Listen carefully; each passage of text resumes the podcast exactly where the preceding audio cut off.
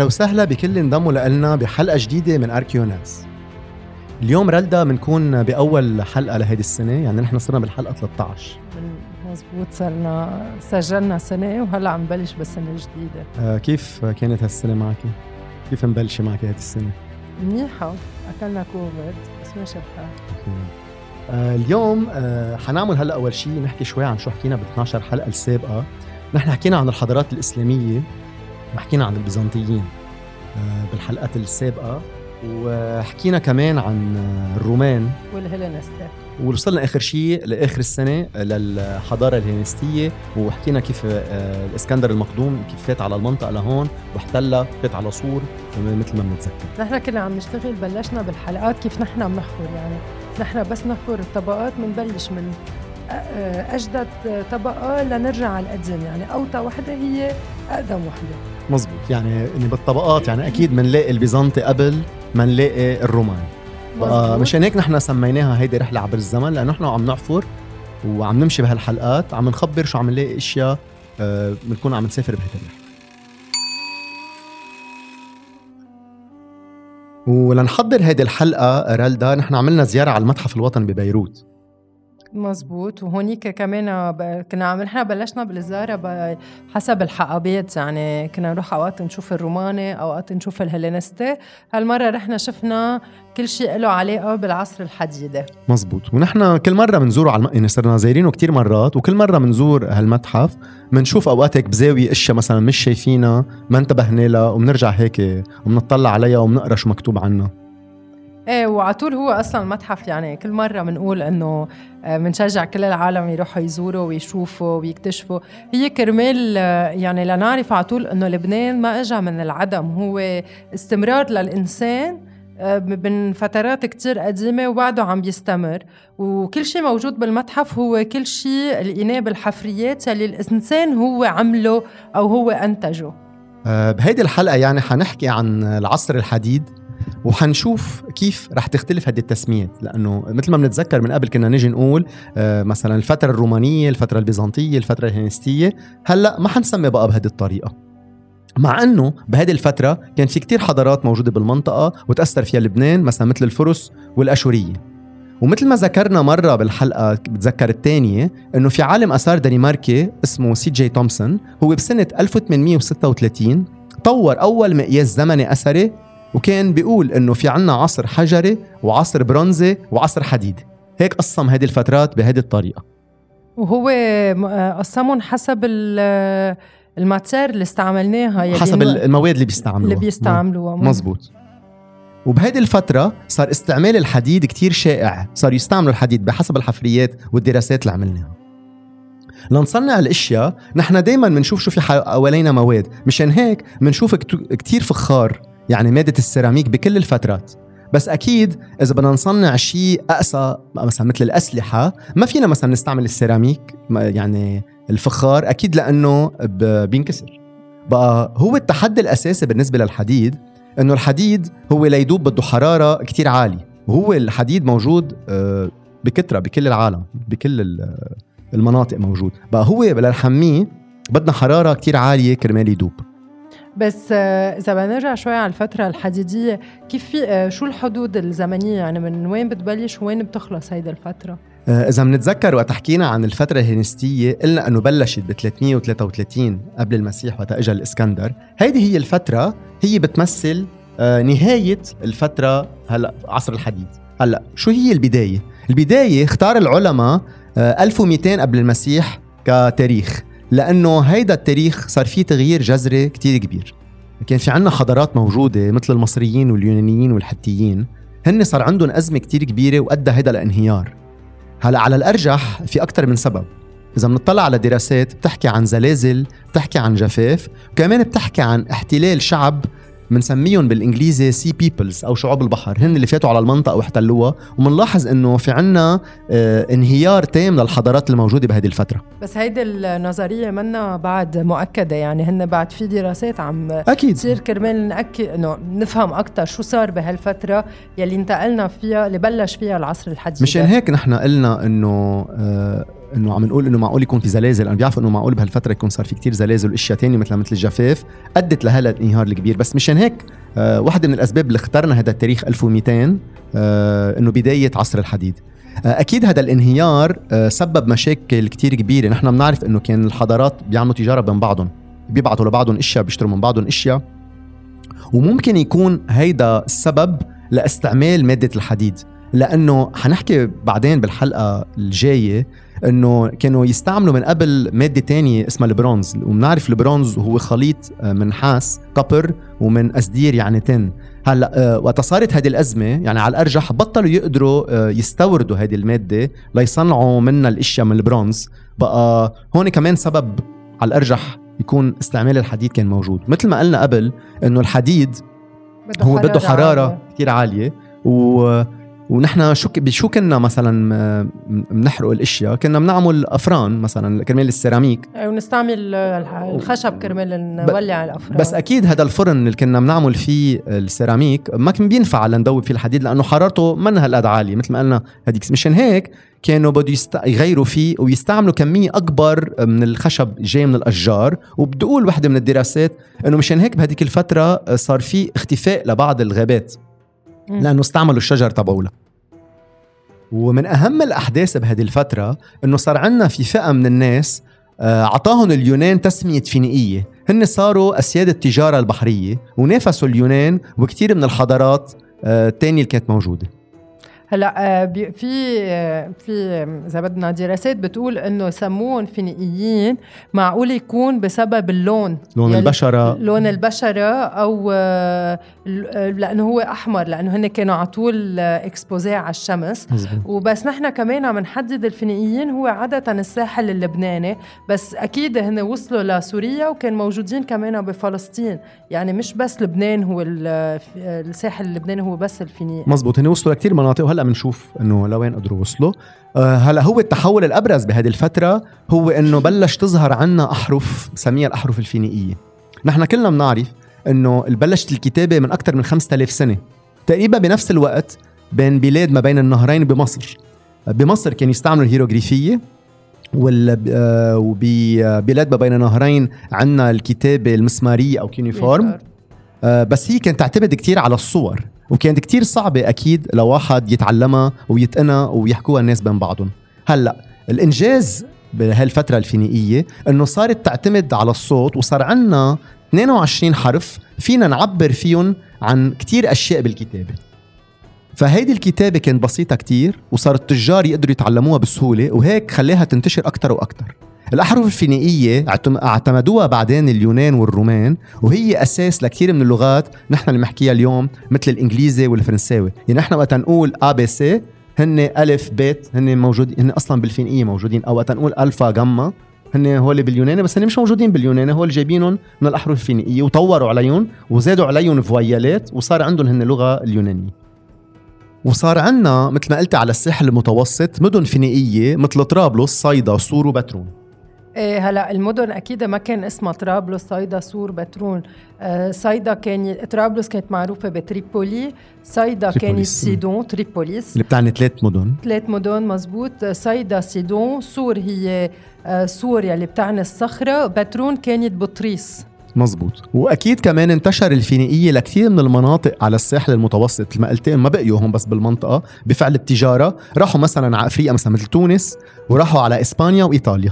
okay وبعد بدي أزيد لأنه ما ذكرنا إنه بيبلوس هي كمان مزبوط. منطقة مزبوط فينيقية مزبوط مزبوط وبيروت كان فيها كمان فيها آثار من الفترة الفينيقية. مزبوط نحن ذكرنا بعض المناطق هلأ أكيد هن انتشروا لكتير محلات وبركي فينا نخصص حلقة لنحكي عن الانتشار آه، الفينيقي بهذه الفترة.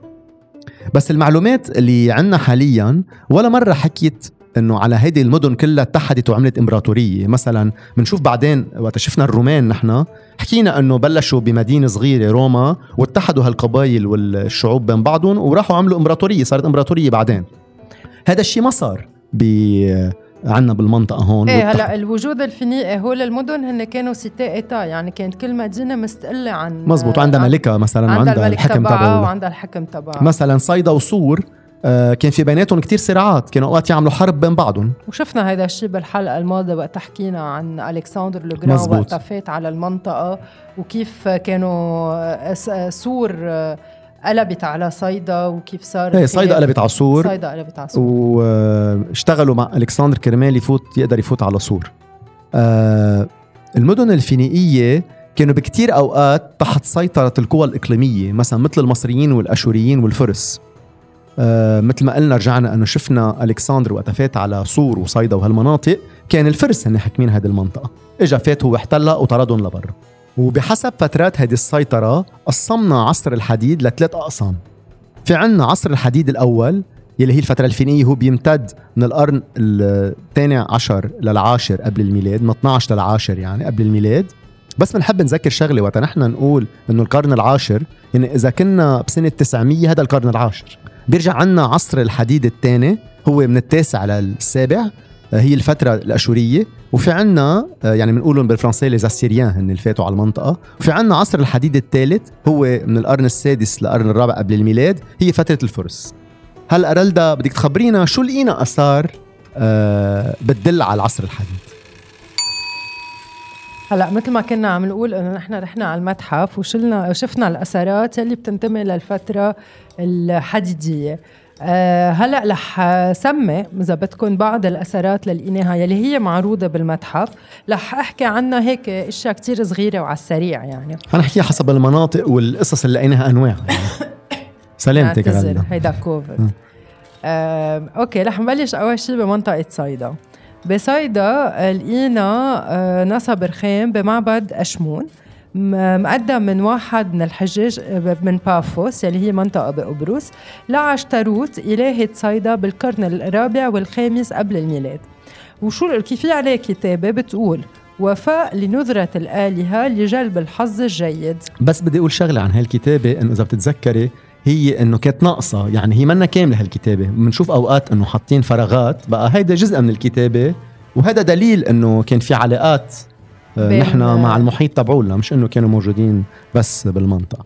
وكمان لقينا تاج عمودي أو يلي بنعرفه بالشابيتو. الشابيتو هو الجزء العلوي للعمود يلي هو على شكل راس تور من رخام من القرن الخامس قبل الميلاد. وكمان لقينا أواني مدفنية من العصر الحديدي آه، من العصر الحديدي الثاني.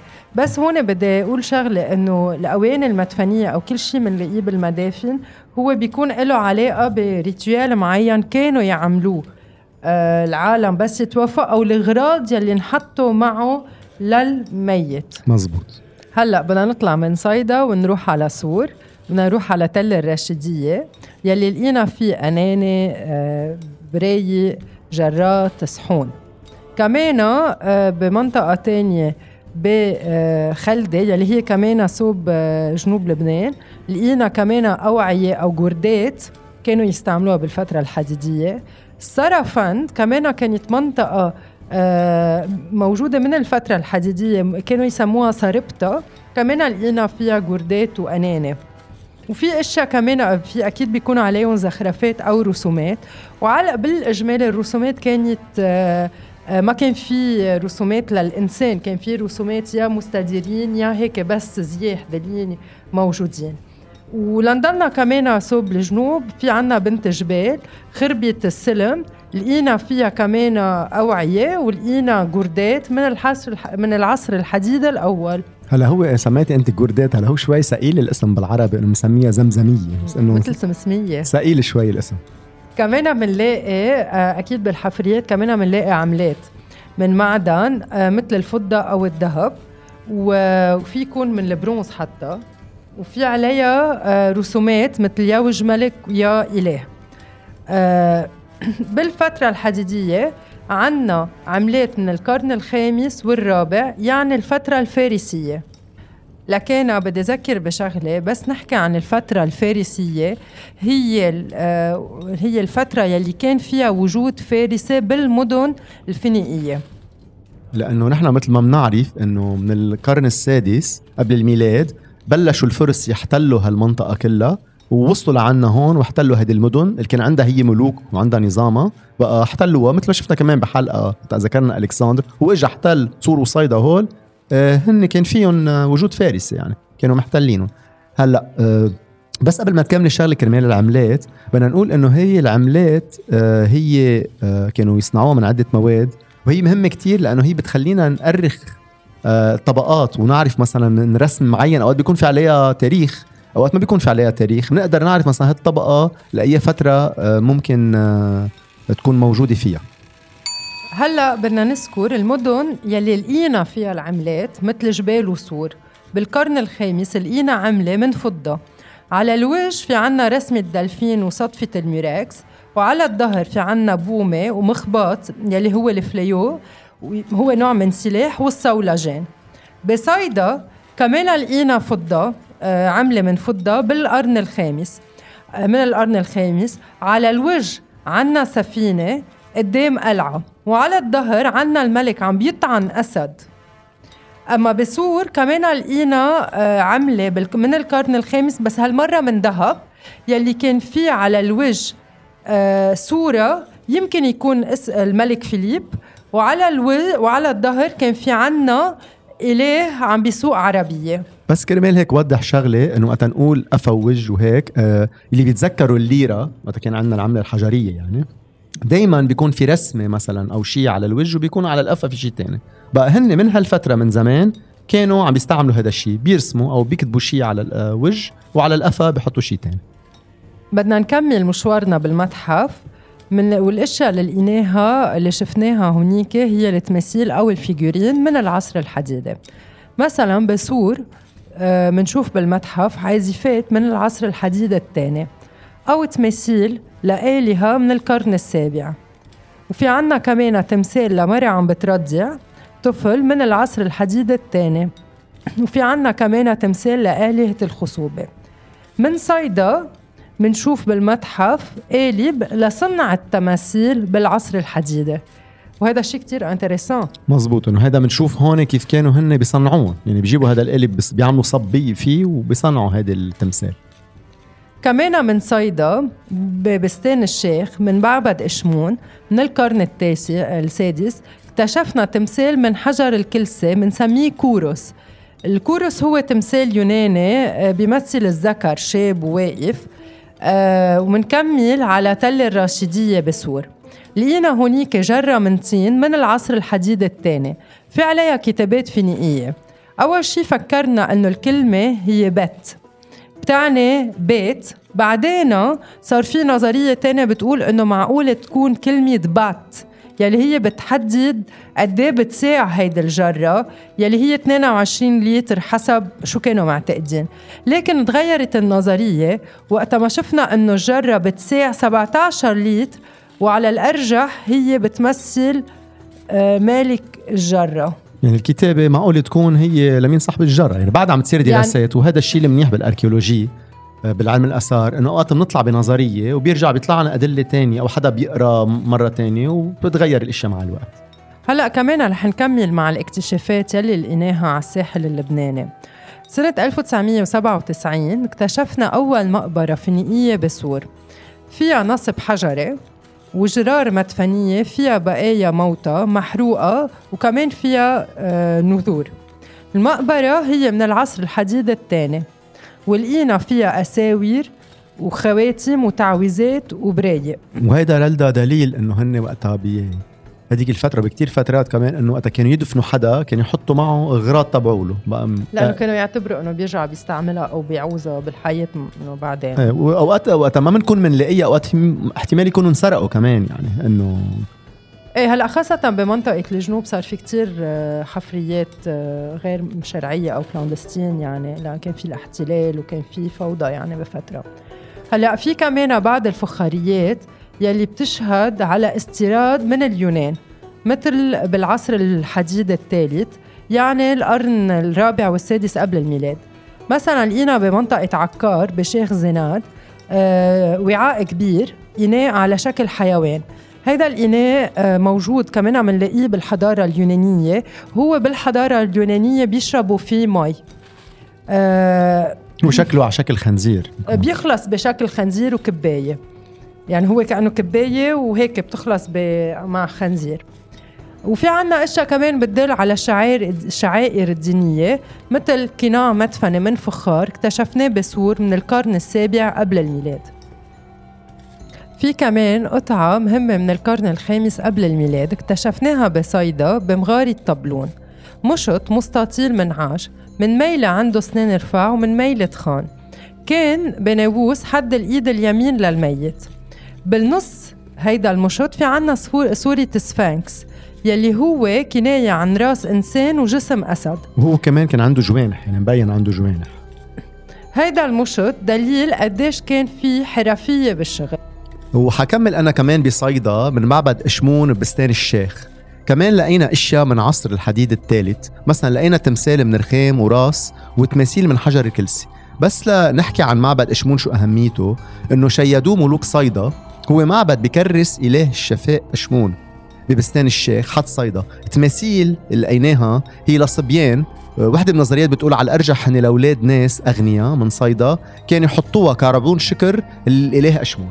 كمان بنكمل بصيدا بنروح على مغارة تبلون آه لقينا فيها مدفن من القرن الخامس. هلأ الشيء المهم بهذا الشيء اللي لقيناه إنه لقينا حلي لمرة ومن نوعية الأشياء اللي لقيناها بنشوف قديش هذه آه مكانة المرأة الاجتماعية. يعني مثلا لقينا حلق من ذهب لقينا قلادات من ذهب لقينا عقد في بقلبه ذهب وفضة وأحجار العقيق والفيروز. لقينا أسوارة من منقوش عليها مشهد عبادة. وكمان خاتم آه من ذهب آه، منقوش عليه مشهد عبادة. يعني بنشوف هون قديش هذه المرأة آه، كانت مهمة. ولقينا كمان تاج في عليه وردة مصنوع من ذهب وفيروز. ومن الأشياء اللي كتير مهمة بهذه الفترة هي النواويس اللي كانوا يدفنوا فيها الناس مثلا مثل الحكام أو الناس المهمين بالمجتمع. واحد من النواويس المهمين كتير وفي ناس بيعرفوه هو أحيرام. هو ناووس أحيرام يلي هو كان ملك بيبلوس آه، اكتشفوه ب 1923 بالمقبرة الملكية بجبال. آه، بيرجع تاريخه ل 1000 قبل الميلاد. يعني هذا من العصر الحديد الأول. هو مصنوع من حجر الكلسة يعني اللايمستون وعليه أثار ألوان أحمر أسود وبني. أهميته لهذا الناووس أنه عليه كتابة فينيقية استعملنا فيهم 19 حرف من أصل 22 من الأحرف الفينيقية هلا الكتابة بتقول آه إنه هذا الناووس آه عمله ابن احيرام اسمه ايتو بعل وبيكمل كمان بلعنة بيلعن فيه كل حدا بيفتح آه هذا التابوت.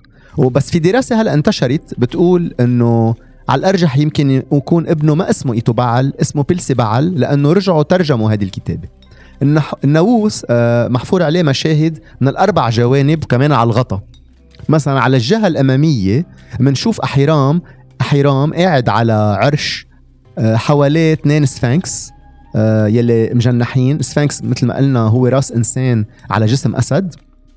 الملك حامل بإيده زهرة اللوتس يلي هي دبلانه وكاس. قدامه في طاولة آه، عليها أكل وورا هالطاوله بنشوف سبع أشخاص ماشيين باتجاهه. في منهم حاملين أضاحي ومنهم رافعين إيديهم ليبجلوا الملك. وعلى الجهة الخلفية بنشوف مجموعة أشخاص معهم أضاحي ماشيين وعم يجروا معهم عنزة. وعلى الجوانب بنشوف آه، نسوان مكشوفي الصدر ورافعين إيديهم وعم بيندبوا وعلى الغطا فوق هو الشيء المهم إنه بنشوف احيرام وابنه مواجهين بعضهم واحد منهم حامل آه، لوتس عايشة وواحد حامل آه، لوتس ميتة. بنقول إنه اللوتس هي كانت عند المصريين كتير مهمة هي رمز التجدد وإعادة الولادة. هذا الناووس فينا نشوفه بالمتحف الوطني ببيروت. وهلا حاحكي عن ناووسين منهم موجودين بلبنان؟ منهم بالمتحف؟ أول ناووس هو اشمون عزار الثاني. هيدا ناووس هو من القرن السادس قبل الميلاد اكتشف ب 1855 بصيدا بمغارة عبلون يلي سموها على اسم أبولون. وهو مصنوع من حجر الأنفيبوليت. الناووس هو لملك ابن الملك تبنيت. مات بعمر 14 سنة كان كتير صغير وهو كان ملك تابع للإمبراطورية الأخمنية أخمنيد يعني من عصر الحديد الثالث. الغطا محفور بالطريقة المصرية عليه شخص متوفى وفي منشوف كمان 22 سطر بالأحرف الفينيقية. هيدي الأسطر بتحكي إذا قريناها عن سلالة إشمون عزار الثاني وكيف مات بعمر صغير. وكمان مثل التابوت اللي شفناه قبل في عليه لعنة بتحذر إنه حيلا حدا حيفتح هذا التابوت حينلعن وما يجيب أولاد. هذا الناووس موجود بمتحف لوفر بباريس. وبتقول المراجع إنه من وراء هذا الاكتشاف قرر نابليون الثالث إنه يبعث العالم الشهير إرنست رونان ببعثة على لبنان. وهلأ ناووس تاني بيشبهه هو لبيو لاشمون عزار الثاني آه تبنيت الثاني كان ملك صيدا. مثل ما قلنا بيكون بيو لاشمون عزار. آه، اكتشف هذا الناووس ب 1887 وهو من 500 سنة قبل الميلاد. فينا نشوف إنه كتير هالنواويس بتشبه بعضها. هذا الناووس بس مصنوع من حجر الديوريت. مكتوب عليه لغتين أول وحدة بالهيروغليفيه المصرية وثاني شقفة هي بالفينيقية بالأحرف الفينيقية. في عليه لعنة بالفينيقي اللي بيفتح الناووس أما الكتابة الهيروغليفيه بقى بتفرجي إنه هذا الناووس كان مخصص بالأصل لجنرال مصري اسمه بانبتاح. آه المهم إنه بهذا الناووس إنه وقت اكتشفوه كان جثة تبنيت طايفة على سائل غريب. وكانت الجثة شبه محفوظة بسائل التحنيط. حتى اللحم بيقولوا إنه كان طري. بس وقت فتحوه العمال قاموا فضوا هذا السائل على الأرض وبطلت هذه الجثة بسبب هذا الشيء محفوظة مثل قبل وصارت تتدهور شوي شوي. هذا اليوم الناووس بنلاقيه بتركيا بمتحف إسطنبول الاركيولوجي وهذا النوع من النواويس يلي هن على شكل إنسان بنسميهم انثروبويد فينا نلاقي بالمتحف الوطني إذا بننزل على الطابق التحتاني مجموعة من 31 ناووس على هذا الشكل مصنوعة من الرخام الأبيض. في مجموعة من 25 ناووس اكتشفوا بمقبرة فينيقية بعين الحلوة بصيدا ب 1901 آه، انعرفت هيدي باسم الفورد كولكشن. وهي من الفترة الفارسية يعني عصر الحديد الثالث. كانوا بدهم يبيعوها لهيدي المجموعة على أيام الفرنساويه بس رجعت بقيت بلبنان. هلا اليوم نحن عملنا جردة لكتير أشياء. مش كلها أكيد يعني. أكيد مش كلها بس لاغراض اللي لهم بالمتحف. هلأ آه، هي الفكرة إنه بدنا نعرف آه، شيء مهم إنه آه، مش على طول ال architecture هي بتبين على وجود حضارات. لأنه مثلا شفنا بالحضارة اليونانيه الرومانية في عندنا معابد ضغري بنقول آه okay هي حضاره حضارة رومانية. بس بالحضارة الحديدية بالعصر الحديدي ما عندنا كتير أشياء ملموسة حسية على الأرض إلا معبد إشمون. وبعد الأشياء هيك مقتطفات بنقول إنه هاي اشجفار هاي اشجفار فمن هيك كان مهم إنه نخبر عن كل شيء اللوكي لقيناهم لقيناهم يلي هن معروضين هلأ بالمتحف. قسم منهم معروض بالمتحف. فميرسي كلود على هيدي البرمة يلي آه، أعطيتنا إياها وميرسي لحالي. آه، هلأ بدنا نعمل archeo fact مع نعمة يلي رح يخبرنا. شو رح تخبرنا نعمة؟ hi ردا hi كلود. كيفك نعمة؟ الحمد لله انتو كيف؟ شو عندك إشياء جديدة اليوم؟ أول شيء بس خلونا أشكركم على المعلومات الحلوة يلي اليوم آه، خبرتونا إياها عن العصر الحديدي آه، اليوم خبريتنا بال archeo fact هي حقيقة عن العصر الحديدي ف هي الخبرية لعشاق النبيد وتنعرف شوي تاريخ الإنبيد يمكن هالقد قديم يعني. هالقد قديم صحيح. نحن كنا عم نعرف إنه الفينيقية هن من عشاق الإنبيد وكانوا كان ثقافة ثقافة الإنبيد هالقد منتشرة بالعالم بالعالم الفينيقي وبالعصر الحديدي آه، منتشرة مش بس على الساحل اللبناني لكن كمان منتشرة بشمال أفريقيا وبأوروبا. لكن وين بلشوا؟ كيف بلشوا؟ كان آه كنا بنعرف إنه في عنا إنتاج للنبيد محلي يعني إذا عم نحكي نحن بلبنان الحالي. لكن هذا الشيء ما تأكد غير لحفرية تل البرك لما تم اكتشاف أول معصرة آه أو خمارة ما بعرف واين بريس آه ب آه على الساحل على الساحل اللبناني. آه تل البرك هو تم تم حفره من قبل الجامعة الأمريكية ببيروت مع بعثة ألمانية. هو سيت اش دي برونز يلي رح نحكي عنه بالحلقات اللي جايين الله راد آه، لكن آه، كمان لقينا آه، محل كانوا يصنعوا فيه نبيد. بس هيك سؤال صغير أتشك إنه فيك تخبرنا وين بيوقع تل براك؟ تل البرك هو بيوقع جنوب مدينة صيدا 9 كيلومتر جنوب مدينة صيدا على الساحل اللبناني. يعتقد إنه هيدا هيدا التل أو هيدا الموقع بنته أو شيدته مدينة مدينة صيدا بأيامها كانت بعزها كانت بعزها فشيدته يمكن ل... لهدف زراعي مبدئيا. هلأ المهم نفكر فيه كمان إنه مع مع صناعة النبيد بدنا نفكر إنه النبيد بيجي من العنب. العنب يعني في عنا إنتاج لزراعة الكروم العنب كمان. آه فبدنا نتخيل هذا الموقع كان فيها المعصرة يلي هلأ بعد شوي رح نوصفها كيف كيف كانت. ونتخيل إنه حواليها في عنا هالكروم. وهيدي الصناعة أخذها اخذوها الفينيقيين معهم عبر عبر سفراتهم عبر التجارة تبعهم ومحل ما استحلوا محل ما قعدوا بالعالم بالعالم الغربي. أخذوها معهم وأخذوا معهم كمان ثقافة شرب النبيض وثقافة آه، زراعة العنب. وكانوا حسب التضاريس حسب المناخ حسب الأرض كانوا يعرفوا يختاروا نوع العنب يلي بدهم يكونوا عم بيزرعوه لإنتاج هذا المشروب وهون بنقدر نتخيل كمان قد إيه الجوده كانت عالية قد إيه كان عندنا فرايتي أو نوعيات كبيرة يعني. نوعيات كبيرة من من النبيذ يلي عم عم تنتج حول حول العالم حول يعني عم نحكي العالم البحر الأبيض المتوسط و وكمان قد إيه قد إيه هن كان عندهم هالخبرة.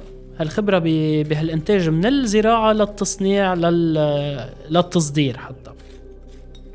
آه كيف قدرنا نعرف كمان آه بغير بلدان محل ما ما لقينا آه إنتاج للنبيد قدرنا نلاقي يمكن أنفورة هي مثل جرة يعني معمولة من سيراميك كانت مخصصة لنقل البضائع آه، عبر السفن آه، بالبحر. للتصدير يعني. للتصدير. كانوا يصدروا من خلال حبوب السوائل مثل الزيت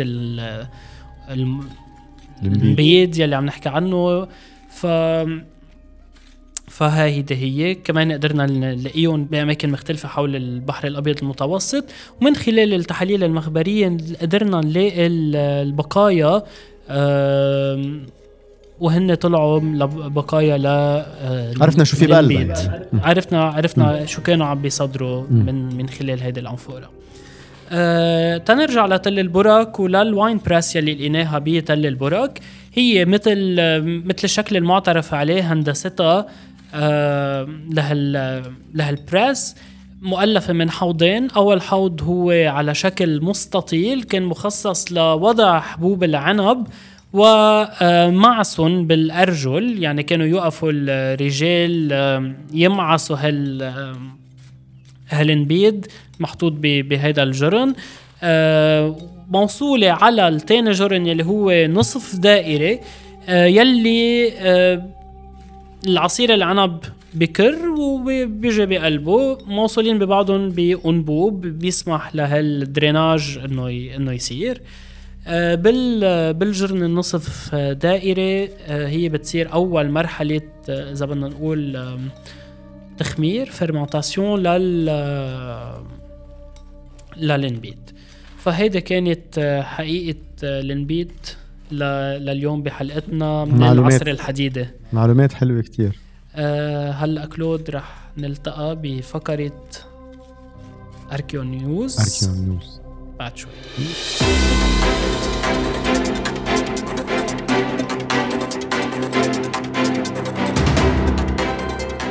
آه وشو في عندك اليوم آه، خبرية جديدة ب archeo news نعمة؟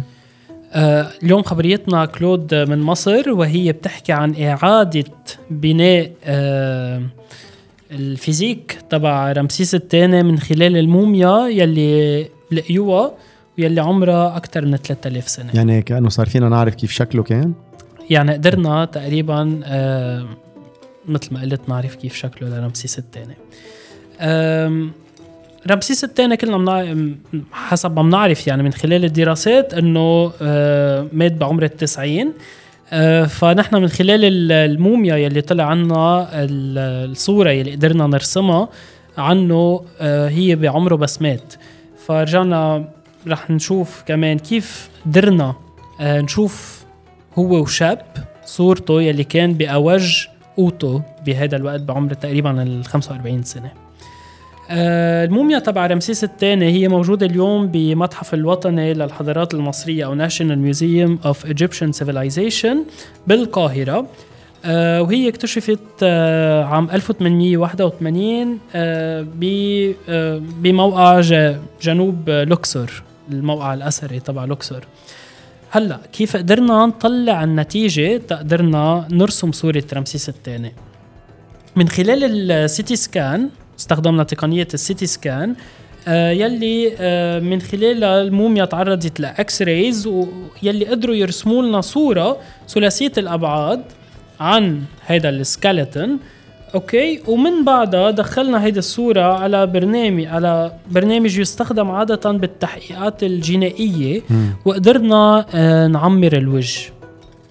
من بعدها استعملت تقنية ال CGI أو computer generated imagery حتى زدنا الجلدة وزدنا العيون وزدنا الشعر بناء على اقتراحات لكيف كان معقول يكون شكل المصريين القدامى بهيدا الوقت. فهذا الشيء فرجى بطبيعة الحال مثل ما قلنا بالأول كيف كان شكل الفرعون لما مات يعني بعمر التسعين سنة تقريبا. فحتى نقدر نقدر نشوفه. هو وشاب استعملنا تقنية ال age regression وقدرنا نصور فرعون آه، رمسيس الثاني بشبابه بعمر أصغر.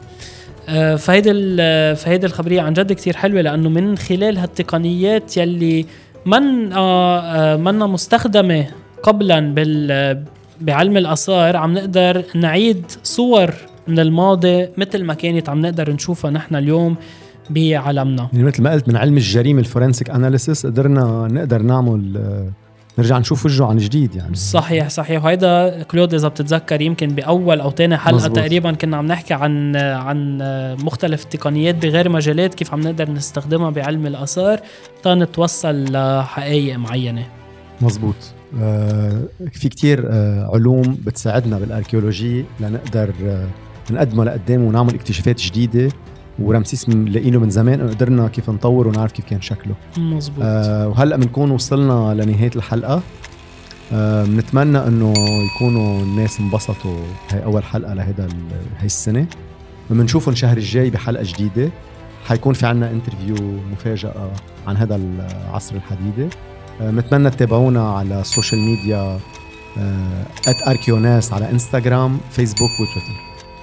بنشوفكم شهر الجاي. Bye. Bye. Bye.